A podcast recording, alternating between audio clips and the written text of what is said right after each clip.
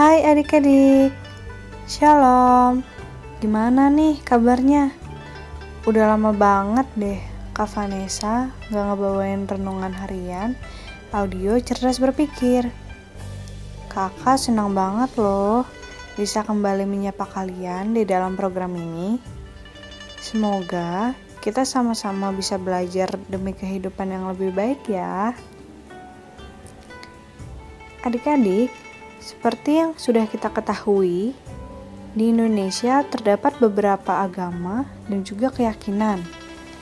Ada Buddha, Hindu, Islam, Kristen, Konghucu, dan beberapa aliran kepercayaan lainnya. Nah, sebagai bagian dari bangsa ini, kita harus menghargai perbedaan, termasuk perbedaan agama. Di dalam upaya menghargai perbedaan agama, kita tidak sepantasnya memiliki sentimen negatif ataupun pandangan negatif terhadap agama atau keyakinan yang lain. Nih, kakak kasih contoh ya. Di dalam kekristenan ada pengajaran tentang keselamatan, yaitu bahwa satu-satunya jalan keselamatan hanya melalui Tuhan Yesus Kristus. Dan biasanya keselamatan dihubungkan dengan masuk surga dan terhindar dari neraka.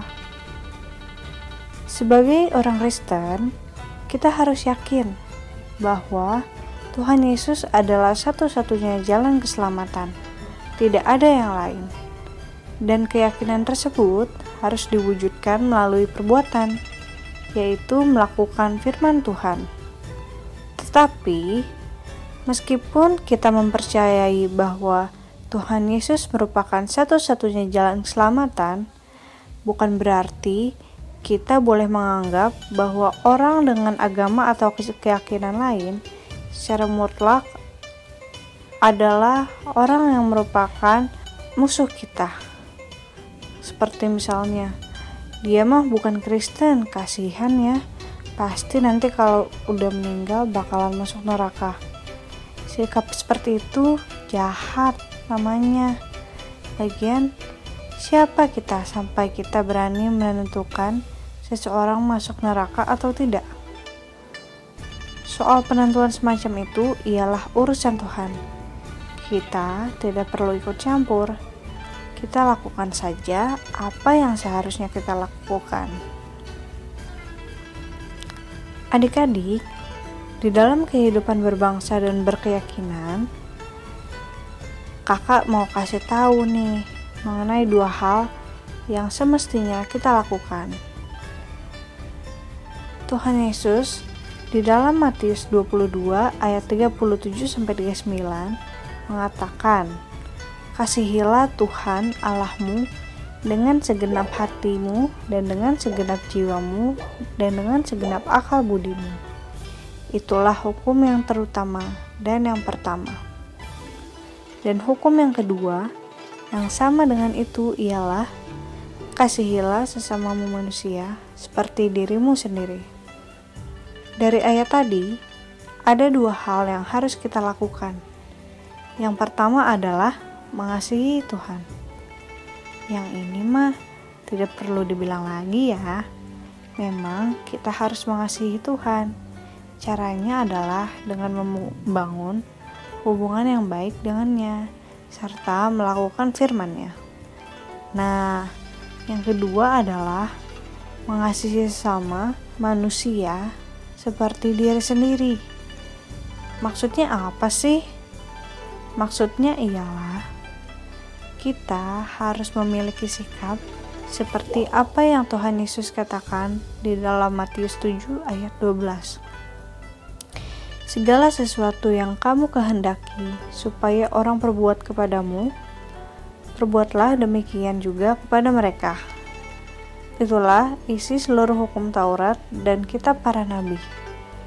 Ini disebut sebagai golden rule. Maksudnya begini, kalau kita ingin dihargai orang lain, hargailah orang lain terlebih dahulu. Begitu juga dalam hal menjalankan keyakinan masing-masing. dan saling menghargai keyakinan masing-masing. Kalau kita merasa senang ketika orang menghargai keyakinan kita, maka kita perlu untuk menghargai keyakinan orang lain juga ya.